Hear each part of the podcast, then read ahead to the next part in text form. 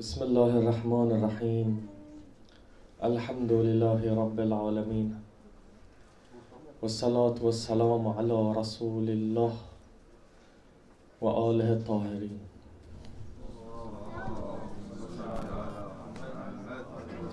اللهم كن لوليك الحجة بن الحسن. صلواتك عليه وعلى آبائه في هذه الساعة وفي كل ساعة. وليا وحافظا وقائدا وناصرا ودليلا وعينا حتى تسكنه أرضك طوعا وتمتعه فيها طويلا في Mahdi svärgång och snar återkomst. Salat.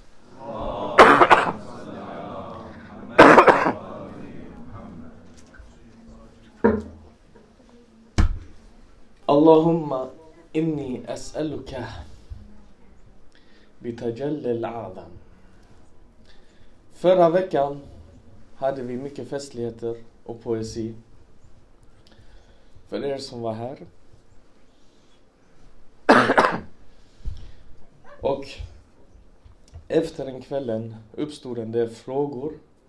Bland annat från talet som Bror Thakhlin höll. Och Bror sa inte så mycket. Och poesin som lästes och poesin sa inte heller så mycket. Och jag fick en, vi fick på Instagram långa frågor av olika syskon. Så jag Jag beslutade mig för att vi behöver prata om Amir al-Mu'minins ställning lite mer. Och den här föreläsningen syskon är inte en föreläsning riktad till våra sunnisyskon. Våra syskon, syskon, sunnisyskon på mitt huvud. De har sin egen plats.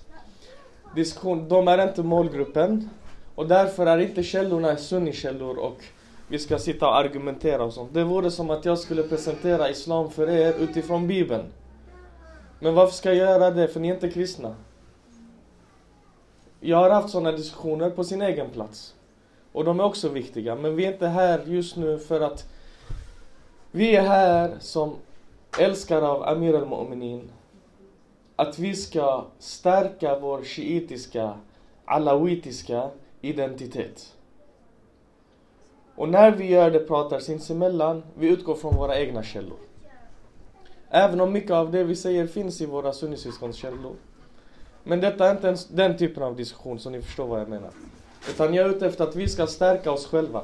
Nu vi hade för ett år sedan en lång diskussion om imamens baten och rohania och spiritualitet som minnar ut i de här imamens mysterier och sånt. Idag ska vi inte prata om det spirituella på det sättet utan vi ska presentera Amir al-Mu'minin salam utifrån hadither, utifrån händelser som har hänt.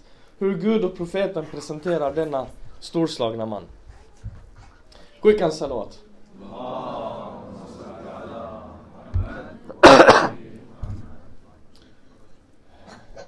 Förra veckan var Amir al-Mu'minins Walada och födelsedag. Skillnaden mellan hans och imamernas födelsedagar, profeternas födelsedagar, de här religiösa storslagna händelserna är att när jag föddes en gång i tiden och varje år man firar mig, man firar en händelse som skedde men idag och nästa år och nästa år, på den dagen där det är min födelsedag, det är inget speciellt. Det händer ingenting med mig, det är inget det finns inget utöver ett minne från det förflutna. Eller hur? Eller om en person dör, man läser Fatha för honom. Varje år man har årsminne för honom. Men för Ahlul Bayt dagar som deras födelse och deras martyrskap som Leilatul Qadr, som nästa vecka vi har profetens profetskap och Mi'raj. Den här typen av dagar är levande. Det vill säga de som kan se Malakut och den spirituella dimensionen just nu ser att saker och ting händer. Som Leilat Qadr.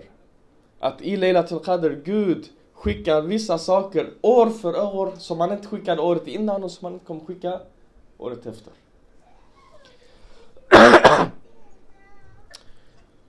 Därför, den dagen som reciteras nästa vecka, den börjar så här som jag sa. Gud, vi söker dig vid Tajallal Adam. Yani vid den mäktigaste manifestationen som du har gjort, gjort söker jag din närhet. Vad är det för någonting? Vi ska prata om det idag. Ursäkta min röst. Det är jihad inom mig, precis som jag har jihad. Jag ska kämpa mitt bästa inshallah med er salawat. Det kommer. När ni ser mig hosta, skicka salawat. Det är tecken. För kvällens föreläsning är en salawat-föreläsning också, så det passar bra. En person kom till Rasulullah sallallahu alaihi wa Han sa, ja Rasulullah, berätta för mig om ashab. Om profetens följeslag. Profeten började nämna. Han sa, den här ashab så, han är så, han är så. Han berättade då. Efter en lång stund när han var klar, den här personen sa, ja Rasulullah, du nämnde inte Imam Ali någonting. Eller Ali ibn Abi Talib någonting. Han sa, om du frågade mig om ashab. Han sa, äh, Ali, alayhi salam, är inte av min ashab. Han är av min nafs. Han är min själ.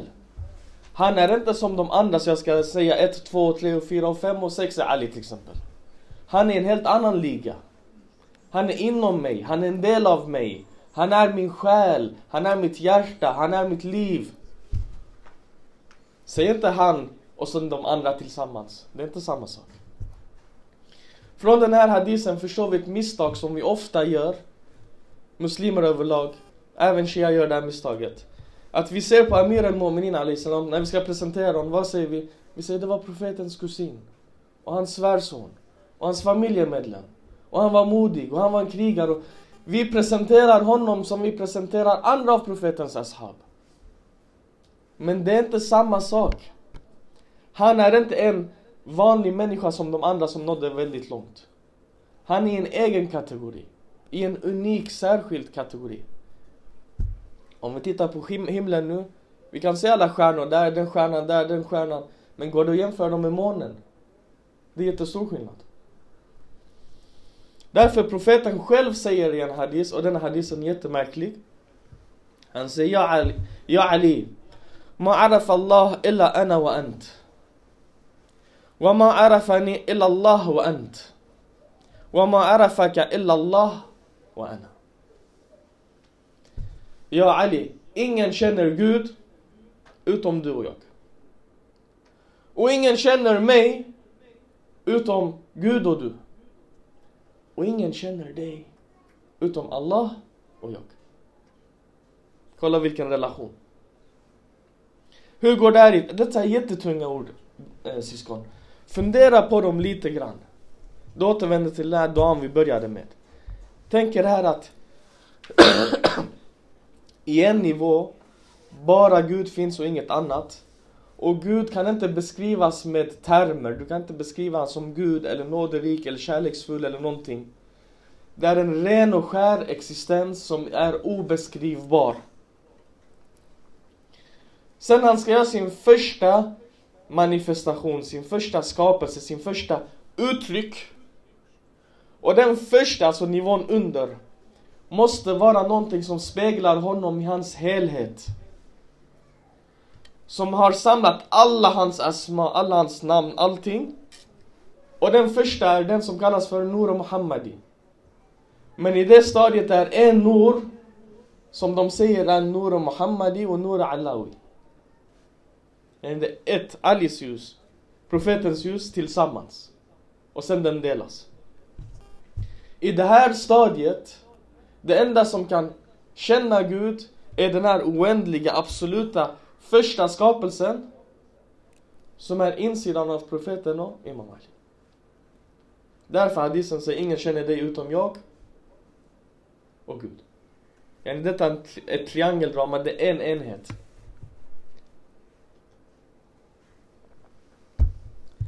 Kolla på världen syskon. I hela världen I hela den muslimska världen finns det en person som dyrkas. Har ni tänkt på det? Vem är det som dyrkas? Av vissa muslimer. Inte av alla muslimer. Vilk, vem är det som dyrkas? Ali, Ali salam. Jag säger inte att det är rätt. Det är helt fel att dyrka Imam Ali, det är inte det jag pratar om. Men jag, min fråga är, varför just Ali dyrkas? Varför dyrkas inte Imam Hussein och det som hände i Karbala? Varför dyrkas inte Imam Mahdi? Varför dyrkas inte första kalifen eller andra kalifen eller tredje kalifen? Varför dyrkas inte själva profeten? Varför just Ali dyrkas? Den i sig visar att den här personen är en speciell person som folk när de ska fundera på honom, de blir, för, de blir förbryllade och de går vilse till och med. Profeten, en gång när Imam Ali återvände från... Vad ska ni göra?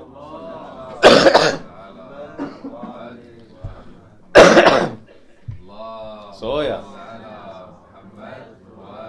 Imam Ali Alislam återvände från en av sina resor. Profeten gick fram, tog tag i tyglarna av hans häst. Och han sa, ja Ali. Om det inte vore för att jag var rädd att de kristna, att eh, muslimerna skulle göra med dig som, som de kristna gjorde med Jesus, son av Maria. Så skulle jag avslöja dina meriter till den nivån att folk hade tagit gruset under dina sandaler som välsignelse och tabarrok och reliker.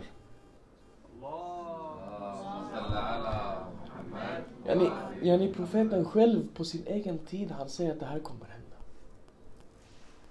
Och det är det som är så, det var en sunnilärd, han har en jättevacker mening. Det är en sunni-alem. Han säger, vad ska man säga om den här mannen, han menar Ali alayhi salam. Vad ska man säga om den här mannen vars fiender försöker att dölja hans meriter av avundsjuka och agg. Och hans vänner eh, döljer hans, att inte prata om hans meriter av rädsla. Men ändå hans meriter fyller hela världen. Var det inte på det här sättet? Att fienderna försökte sänka, de till och med förbjöd hadiser. Första kalifen, andra hadiser. Kalifen förbjöd hadither. Jag tänker 40-50 år. Hadither om Imam Ali förbjöds. Muawiya kom, han betalade att varje fredagsbön de förbannade Imam Ali på moskén. Till den nivån att när Imam Ali blev shahid i Mehrab i Masjid Kufa, folk i Syrien sa Dog han i moskén? Bad han ens? Eller kolla vilken reklam de har gjort mot honom. Och hans vänner vågar inte ens prata om Imam Alis meriter. För att de skulle bli förföljda, trakasserade på Josef ibn Hajjashi. Om en person bara nämnde Imam Ali positivt, han blev hängd. Detta har varit Shias historia under århundraden. Det är nu på senare tid vi kan våga prata lite grann. Och än idag om vi ska åka till Hajj, vi måste vara tysta, vi får inte säga någonting. Eller hur broder som var där sist? Hur mycket kan du säga? Du kan inte säga så mycket. Du plockas, tas in i källaren, det är det värsta som kan hända. Du får sitta där till din hajj är slut och sen de släpper dig. Om du inte blir slagen. Detta har vi sett med egna ögon. Så vi vågar inte avslöja dem. Till och med jag ibland när jag ska prata lite grann, jag är rädd för vissa syskon att jag ska avslöja för mycket och de ska säga varför pratar jag så mycket? Vi vågar inte säga saker och ting. Ändå hans meriter fyller hela världen. Och det finns miljoner, i Turkiet av alla ställen i hela världen, som kallas Aliullah. Alawiter, de sa - dyrka Imam Ali. Är det inte märkligt? Är det inte konstigt? En person gick på ziara till Najaf, till Imam Alis grav. Han ställde sig mitt emot Zareh. Han stod där och började läsa sin ziara. Assalamu alaika ya Ainullah. En person stod bredvid. Tänkte. Han tänkte, vad säger han? Vadå Einullah, Guds öga. Vad är det här för någonting? Han fortsatte. Assalamu alaikum ya Allah. Frid vara med dig och Guds hörsel. Eller Guds öron. Astaghfirullah. Vadå Guds? Har Gud öron? Vad är det han säger? Assalamu alaikum ya lisanullah. Frid vara med dig och Guds tunga. Astaghfirullah. Vadå? Gud har ingen tunga? Vad är det? Assalamu alaikum ya wajhullah. Frid vara med dig och Guds ansikte. Till sist, den här mannen fick nog. Detta är två shia som står bredvid varandra inför Dariyah. Han sa till honom, kan du inte bara kalla honom Gud? Det finns ingenting kvar av Gud som du inte har tillskrivit honom. Han sa nej.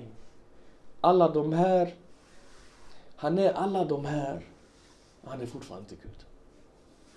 För om ni tänker på det lite grann syskon, det är jättetydligt. Kolla. Detta är min hand. Om ni vill hälsa på den här handen, vad säger ni? Assalamu alaika yadu ahsan. Okej? Okay? Men om vi kapar den här handen, har den här handen något värde? Har den här handen, kan den här handen lyfta den här koppen? Nej. Skillnaden i vår syn på Amir al-Mu'minin jämfört med vissa kristna gentemot Jesus är att de kapade den här förbindelsen och sa att han är Gud. Han är självständig. Men vi säger inte att han är oberoende av Gud. När profeten säger att om det inte vore för Alis svärd så hade Islam varit förlorat. Okej, okay, om Gud vill rädda Islam, han använder Alis hand i svärdet. Därför Koranen själv säger när du kastade, detta om profeten, det finns en vers för, i, jag tror det var Badr-kriget, eh, profeten tog stenar och kastade på fienden och de, ble, de blev blinda. Eh, Mara meita idha walakin Allah rama. Nu arabiskan ungefär men det var inte du som kastade när du kastade men det var Gud som kastade. Yani Koranen tillskriver kastandet från profetens hand till Gud själv. I det här avseendet, vad blir profetens hand? Det blir Yadullah. När vi säger Yadullah, vi menar inte att Gud har en fysisk hand, ett fysiskt ansikte, ett fysiskt öra eller någonting överhuvudtaget likt det här. Utan vad vi menar, och egentligen detta är hadithen för Ahlebet själva säger till exempel, Imam Ali själv säger Vi är Wajhullah, vi är Lisanullah och vi är Yadullah. Det betyder att, till exempel i tafsiren av den här med att Imam Ali är Guds ansikte, inte att Gud har ett ansikte men när Imam Ali gick in i marknaden när folk såg honom, de sa La ilaha illallah, vilken vacker ungdom. La ilaha illallah, vilken ståtlig ungdom. De började tänka på Gud när de såg honom. I det avseendet, han blir precis som Kaaba. Vad kallar vi Kaaba? Guds hus. Bor Gud i Kaaba? Varför kallas det för Guds hus? För att när vi ser Kaaba, Gud har valt Kaaba som en symbol för sin enighet. Så när vi ser Kaaba, vi tänker på en gud, vi tänker på flera gudar. Och detta är ett tillstånd när den Kaaban var fylld av 360 stengudar en gång i tiden. Vi sa ändå, det här är symbolen för Gud.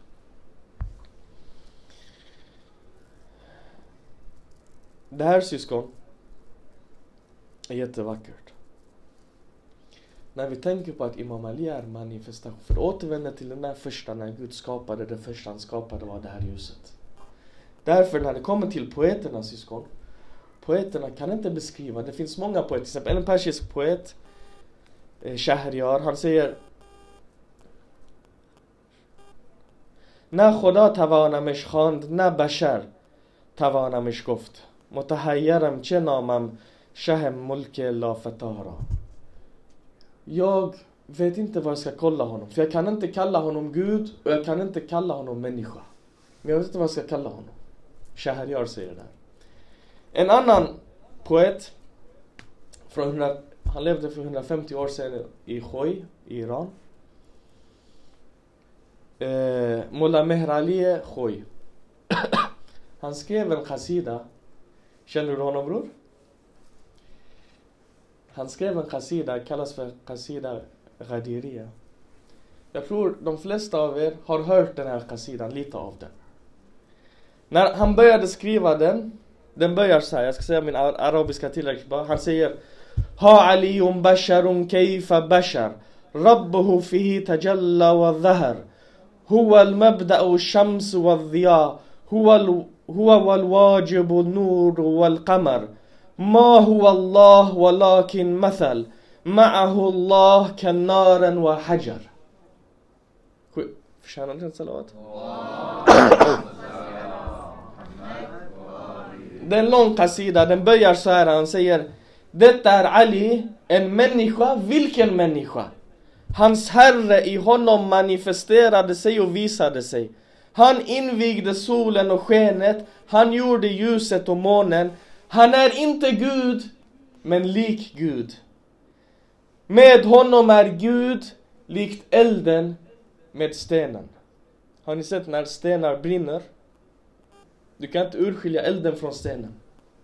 De, den relationen de Han säger, han är inte Gud men han är likt Gud.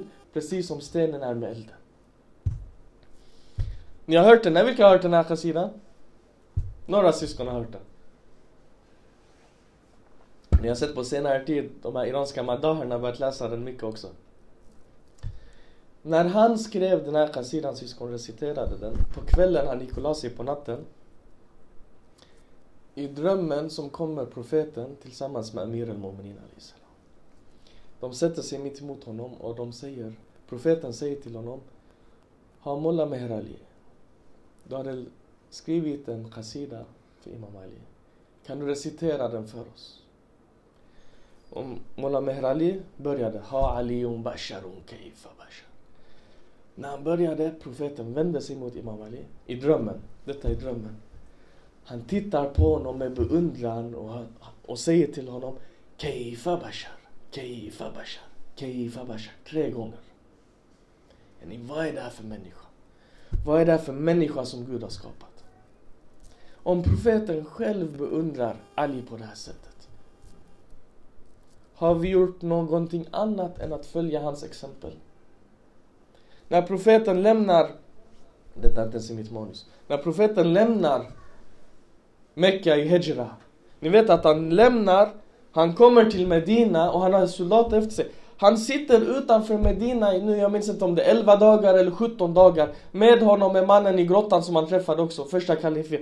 De väntar där och han, de ser folk sitter och väntar. Kom, kom. Nej, jag väntar här. Vad väntar du på? Ni får säga. Jag väntar, jag väntar. Abu Bakr säger till honom, ska vi inte gå in? Nej, vi väntar, vi väntar, vi väntar. Tills Amir al-Mu'minin kommer med tre stycken Fatimor. Hans mor, profetens dotter och en annan av Fatima. De är från profetens hushåll. Hämtar de här och, och hur de promenerar på natten och på dagen Imam Ali eh, vart kör med svärd för att fienden attackerar. När, när de kommer fram, Imam Ali i princip trillar ner för han är full av sår.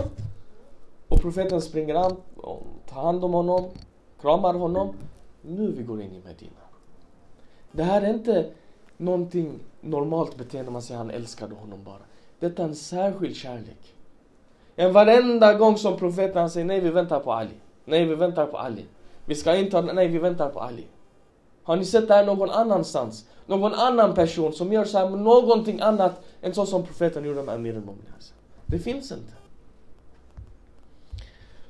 Själva namnet Amir al-Mu'minin, var kommer den ifrån? Tänk er nu, Ahl al-Bayt salam. Vi kallar dem för 14 nur, eller hur?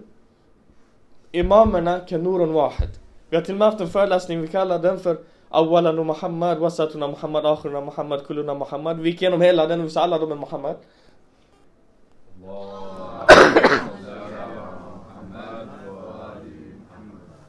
Ändå. Ändå. Ändå. Vem av dem är Amir al-Mu'minin?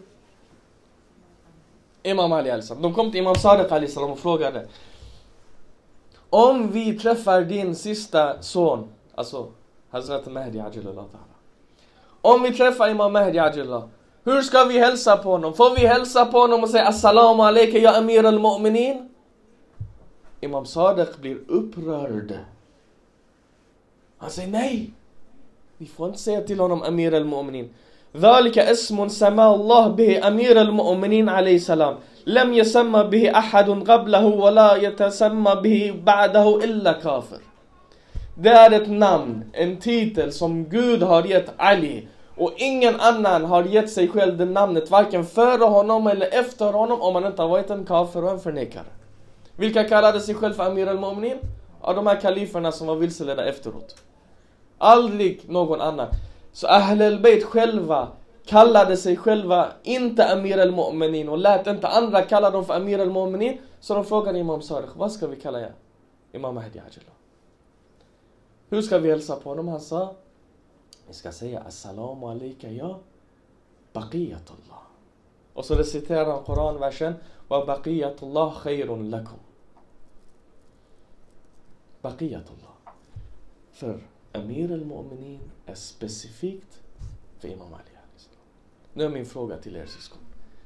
Vem kallade honom för Amir al-Mu'minin först?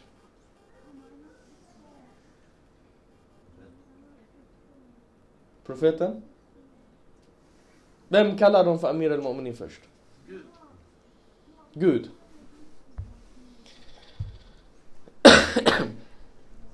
Ibn Abbas promenerade med profeten. De promenerar. Andra sidan gatan kommer Imam Ali salam. De kommer mitt emot varandra. Imam Ali salam säger Assalamu alaikum ya Rasulullah.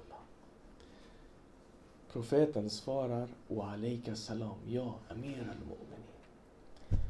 Notera här syskon att detta är tillståndet av att profeten lever. Amir al-Mu'minin betyder ledaren av de troende. Och profeten lever. Varför kallar han honom för Amir al-Mu'minin? Och då Ibn Abbas fick ett tvivel, eller ett frågetecken. Syskon, från de här frågetecknen, när man tittar på Ashab, när de ställer frågor till profet, man märker att de har inte gått så djupt i vissa frågor. Ibland vi fastnar också på dem. Han ställer den här frågan till profeten, han säger Ja Rasulullah. Kallade du honom Amir al-Mu'minin för att du älskar han så mycket du vill uttrycka din kärlek? Eller var det någonting som Gud har sagt till dig att du ska säga? Wallah, jag vet inte vad skillnaden är, om jag ska vara ärlig. Men profeten svarade självklart att det var Gud som sa till mig. För att på natten jag åkte till Me'eraj, som är nästa vecka, 27 Rajab. På natten när jag åkte till Me'eraj, det fanns inte en enda dörr i någon av alla de dimensionerna och nivåerna av himlen som jag passerade utan att på dörren det stod La ilaha illallah Muhammad Rasulullah Alien Amir al-Mu'minin Waliullah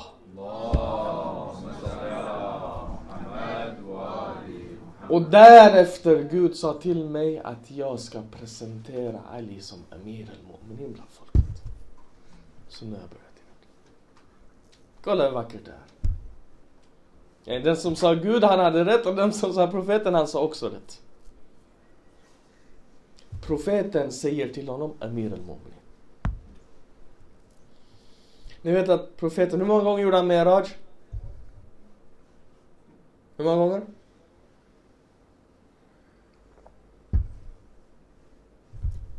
Hur många gånger? Två gånger?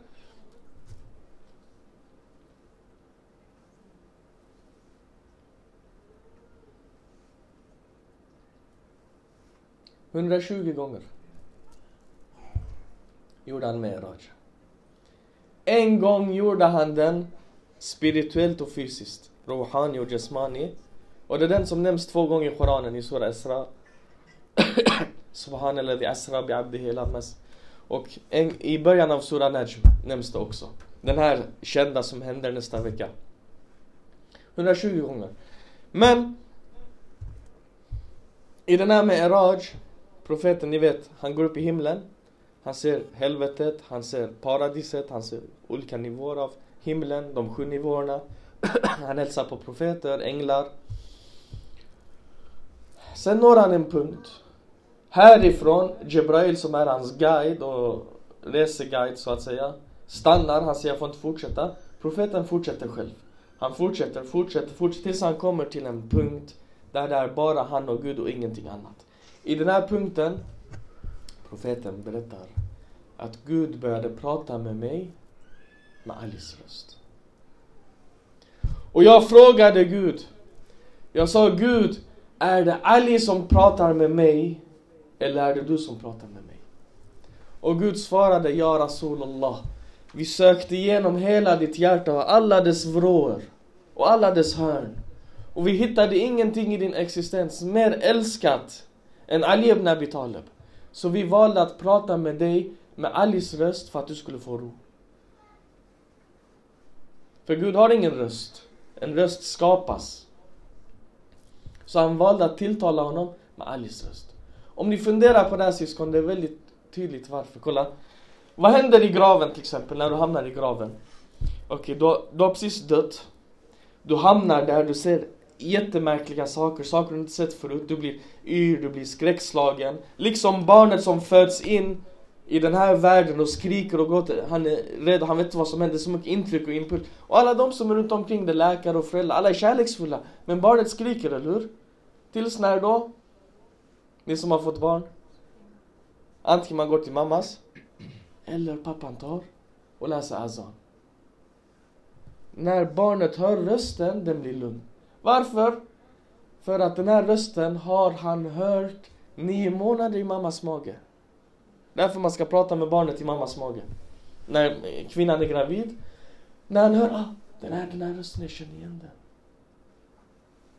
Han blir lugn. Därför de säger att en person som dör första natten när han begravs, hans familj, de som kan, ska inte lämna honom. När alla har gått och sånt, de ska stanna kvar. Hos honom. Göra talqin eller läsa eh, Koran. De här två sägs. Varför? För att när, precis som han föds in i nästa värld och han är, han är orolig, han är, han är förvirrad, han är rädd, han vet inte vad han ska göra. Då han hör den här rösten med de han har levt med 50, 60, 70 år. Påminner honom. Han blir lugn. För att han är skräckslagen. För det är det här tillståndet som Munkar och Nakir också, de passar på. Nu ska komma och ställa honom frågor. Därför, du behöver den här lugna rösten som lugnar dig. Detsamma med de personer som till exempel träffat Imam Mahdi Ajallah. Exempelvis Alama Taqi Majlisi. Pappa till han som skrev Bihar al-Anwar. Han säger att jag fick träffa Imam Mahdi Ajallah en gång. När jag skulle komma nära honom, mina ben började darra och mina knän började skaka. Och hans starka närvaro och karisma, jag kunde inte röra mig, jag blev rädd. Och han sa till mig kom. Men mina fötter sa, jag vågar inte komma nära. Han blev rädd. Så om du kommer i ett tillstånd där du är direkt förbindelse med Gud och Gud ska prata med dig. Det här bränner dig, det, det är väldigt starkt. Därför rösten av Ali lugnar. Men egentligen, det är, en, det, det är en signal till alla oss andra också. Att den som vill ha lugnandet av själen behöver vända sig till Amir al-Mumin. Det är det den säger, för då finns den rösten inom oss alla också någonstans. I någon vrå, men vi har glömt bort den. Skicka salvat.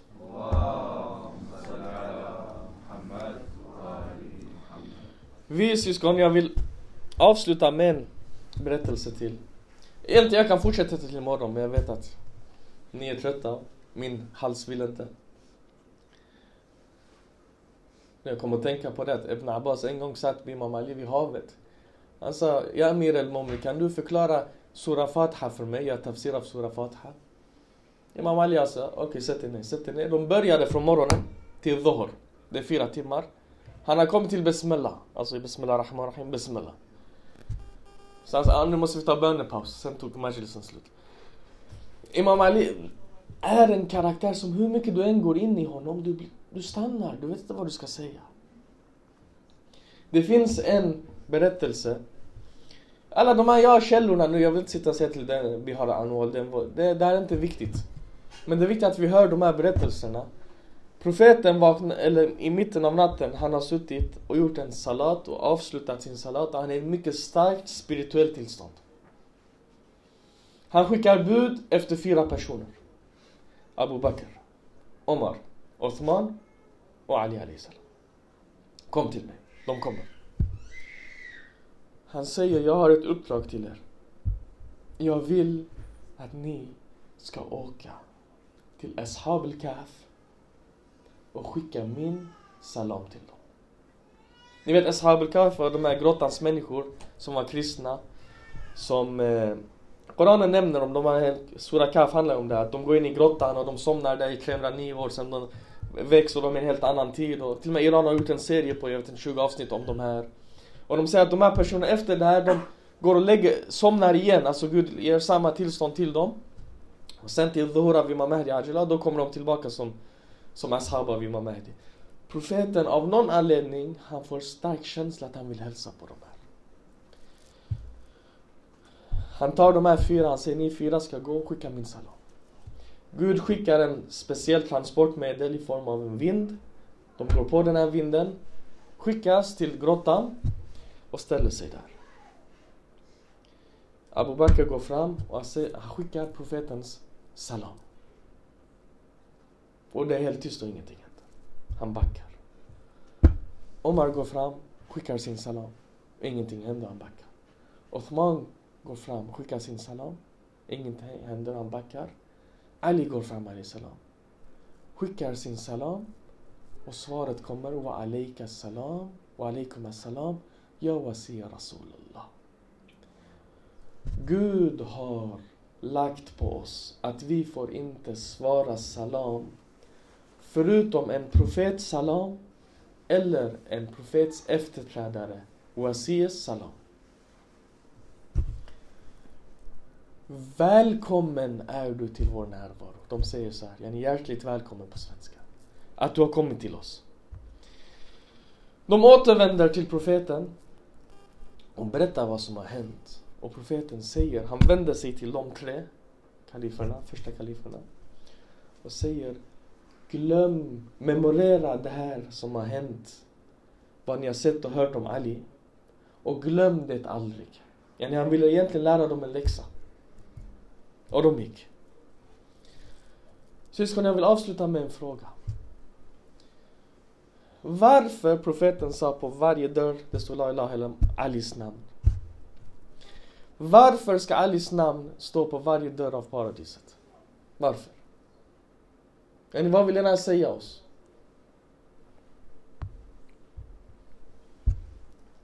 Det är väldigt enkelt om man funderar på det. Så här enkelt är det syskon att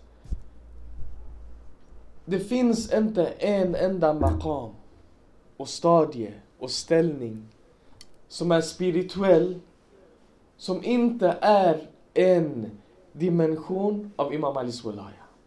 Du kan inte nå någonstans i det spirituella, ut, alltså du kan inte gå igenom någon dörr utan att Alis namn ska stå på den dörren. Är det tydligt?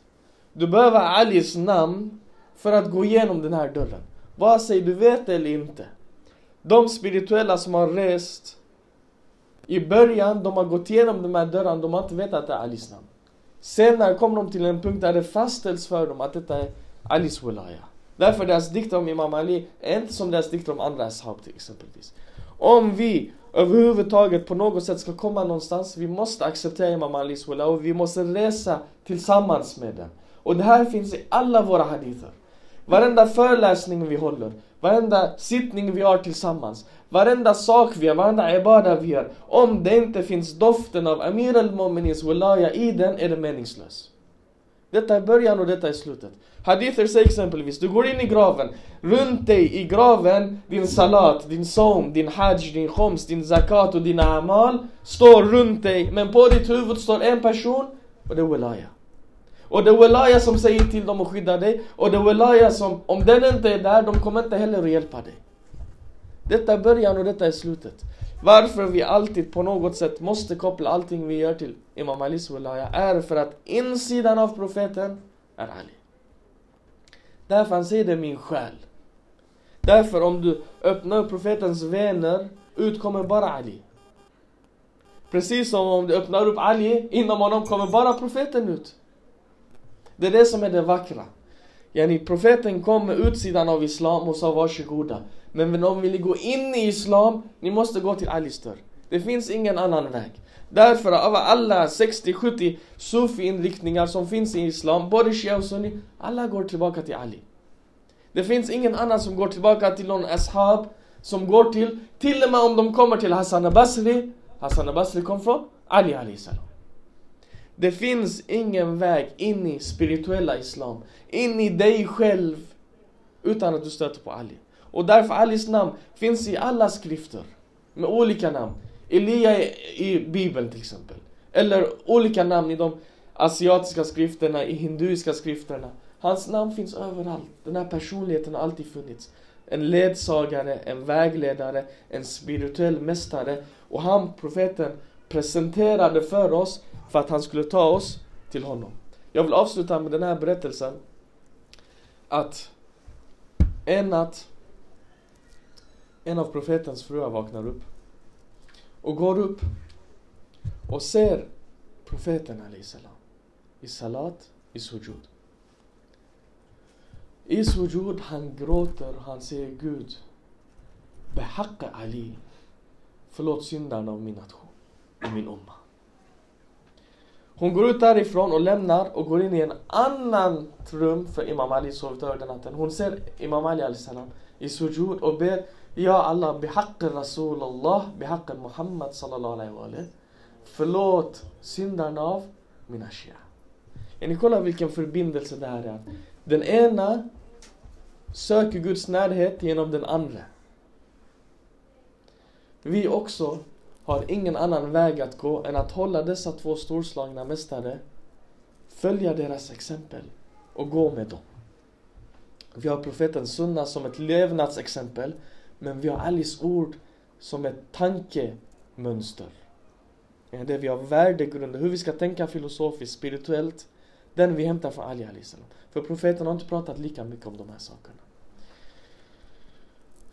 بسم الله الرحمن الرحيم اللهم صل على محمد وآل محمد وعجل فرجهم اللهم أن يسألك وندعوك باسمك العظيم الأعظم الأجل الأكرم Tio gånger Ja Allah, Ja Allah, Ja Allah, Ja Allah, Ja Allah Ja Allah, Ja Allah, Ja Allah, Ja Allah, Ja Allah Vi ber dig vid dessa välsignade nätter att du upplyser oss om din ma'rifa, om din kännedom att utöka vår kännedom och kärleken till dig själv, till din profet och till Amir al-Mu'minin salam. För genom deras kärlek lyser vägen upp och vi drivs att förbättras, förändras, förenas, uppresas och bli de bästa, bästa, bästa följeslagarna och vännerna till Imam Mahdi Ajillah. Allahumma ajil wa lik al-falaj walhamdulillahi rabbil alamin. Assalamu alaikum wa rahmatullah.